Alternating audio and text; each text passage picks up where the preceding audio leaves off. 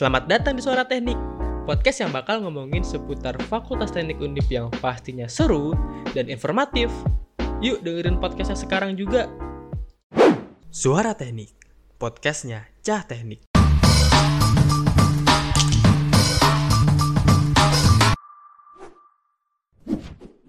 Selamat pagi, siang, sore, atau malam. Perkenalkan, aku Orchia dari Departemen Teknik Perkapalan Angkatan 2020. Berjumpa kembali di Positif, podcast figur prestatif, yang akan membahas seputar figur-figur berprestasi di Fakultas Teknik Universitas Diponegoro. Nah, kali ini kita sudah kedatangan figur berprestasi dari Departemen Teknik Geodesi nih. Nah, langsung aja kita sambut Merwinda. Halo Merwinda. Halo Orchidia, halo semuanya warga Fakultas Teknik. Selamat pagi, selamat malam, selamat sore juga ya. Halo Merwinda.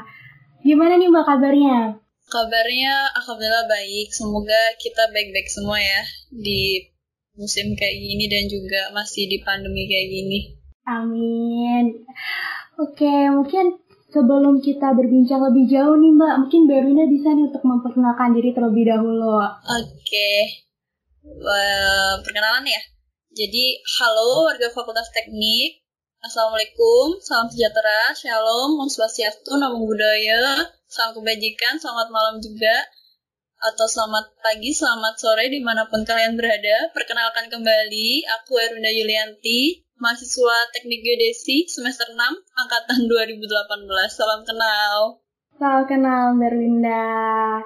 Nah, mau nanya-nanya nih Mbak, sebagai salah satu figur berprestasi nih Mbak, kira-kira sejak kapan sih Mbak Rinda ini mulai mengikuti perlombaan-perlombaan? Boleh banget nih Mbak diceritakan pengalamannya. Oke, ini kalau boleh cerita nih pengalaman semenjak masuk kuliah atau sebelum-sebelumnya juga bisa diceritain?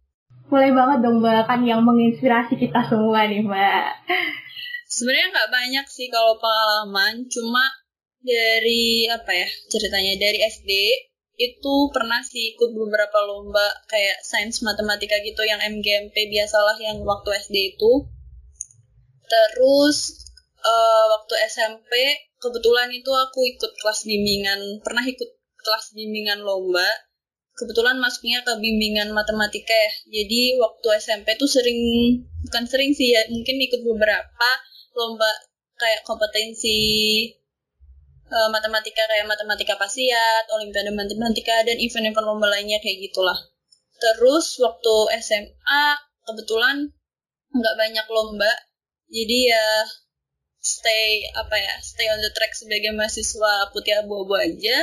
Terus menginjak perkuliahan ini sih awalnya belum tahu ya belum ada bayangan waktu mahasiswa baru itu kayak pengetahuan terkait info-info lomba kayak gitu.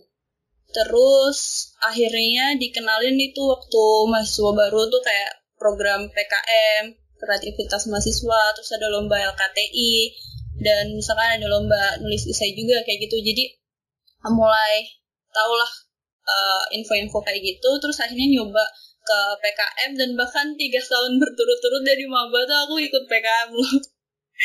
ya terus uh, baru-baru ini ikut lomba juga yang diadain sama Supermap.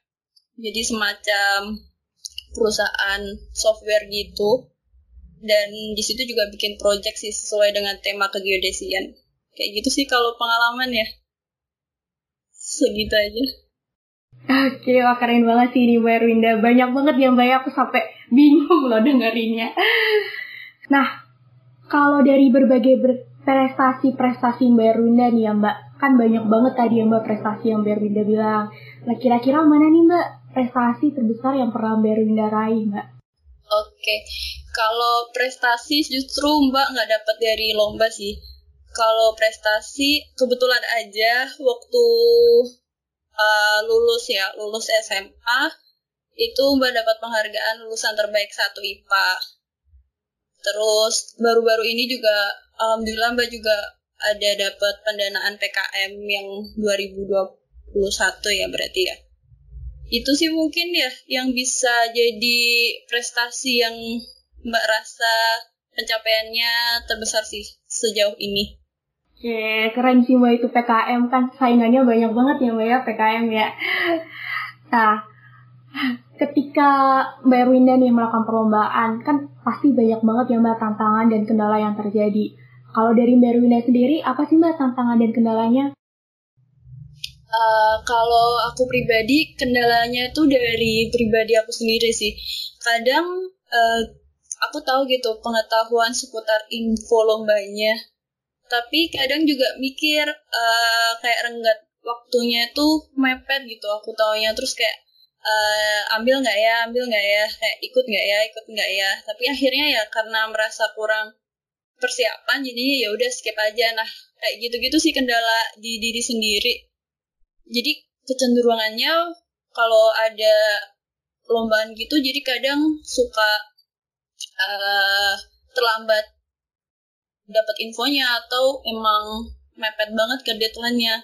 Terus kalau tantangan sendiri ya harus apa ya harus siap dan dari segala ide dan segala macam apa ya persiapan sih jadi kadang kan emang lomba-lomba kayak gitu kan emang kalau misalkan ISE atau LKTI atau apa kan emang nggak di up secara publik ya maksudnya itu bakal di up kalau misalkan misal tenggat waktunya satu bulan atau berapa bulan gitu nggak yang mm, banyak apa ya deadline gitu enggak eh, yang tenggang waktunya lama jadi kadang tuh tantangannya di situ dengan waktu yang demikian disuruh ngembangin ini ini bikin ini ini itu sih mungkin yang dari aku pribadi ngerasa salah satu kendala dan hambatan yang selama ini kurasakan.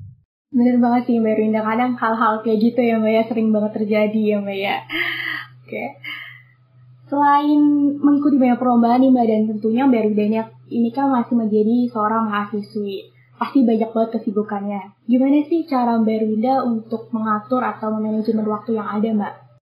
Oke, kalau bicara soal manajemen waktu sih gampangnya kita bikin jadwal aja ya. Jadi sinkronin aja antara jadwal kuliah, jadwal organisasi atau kegiatan yang di luar akademik, dan juga jadwal khusus nih buat mikirin lomba kalau misalkan lomba uh, ikut mau ikut rencana ikut lomba. Jadi dengan begitu waktu itu akan berjalan dengan sendirinya gitu, uh, menyesuaikan dengan kebutuhan kita gitu. Mana kapan harus mikirin akademik, kapan harus mikirin organisasi, mak ke, kapan harus mikirin lomba gitu. Tanpa memfosir diri sendiri. Jadi tetap ada pembagian waktu nih buat istirahat, buat me time, buat quality time. Jadi kayak uh, gitu aja sih kalau dari aku seperti itu. Wah, ini tips yang bagus banget nih dari Merwinda ya teman-teman.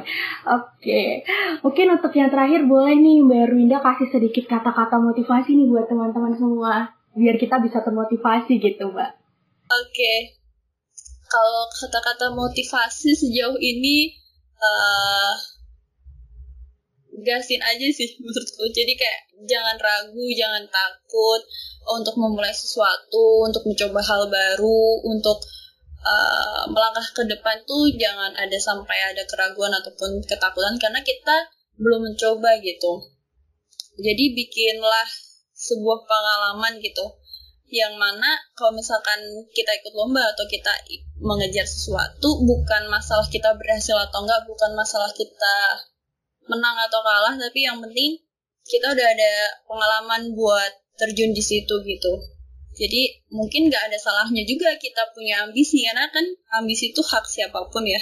Jadi mungkin itu sih sedikit kata-kata buat teman-teman di fakultas teknik yang mungkin uh, saat ini masih kadang suka suka mikir dengan kemampuan sendiri atau insecure gitu ya untuk ikut ini ikut ini atau misalkan takut bagi waktunya gimana dan segala macam jangan pernah takut buat mencoba intinya sih itu sih Waduh, keren banget sih ini Mbak Erwinda. Ya Allah, keren banget Mbak Erwinda.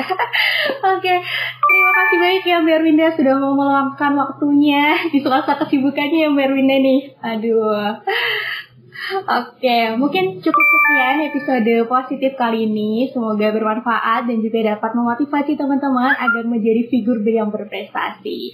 Jangan lupa follow IG kita di @ristekbmftundip. Sampai jumpa di episode berikutnya. Bye.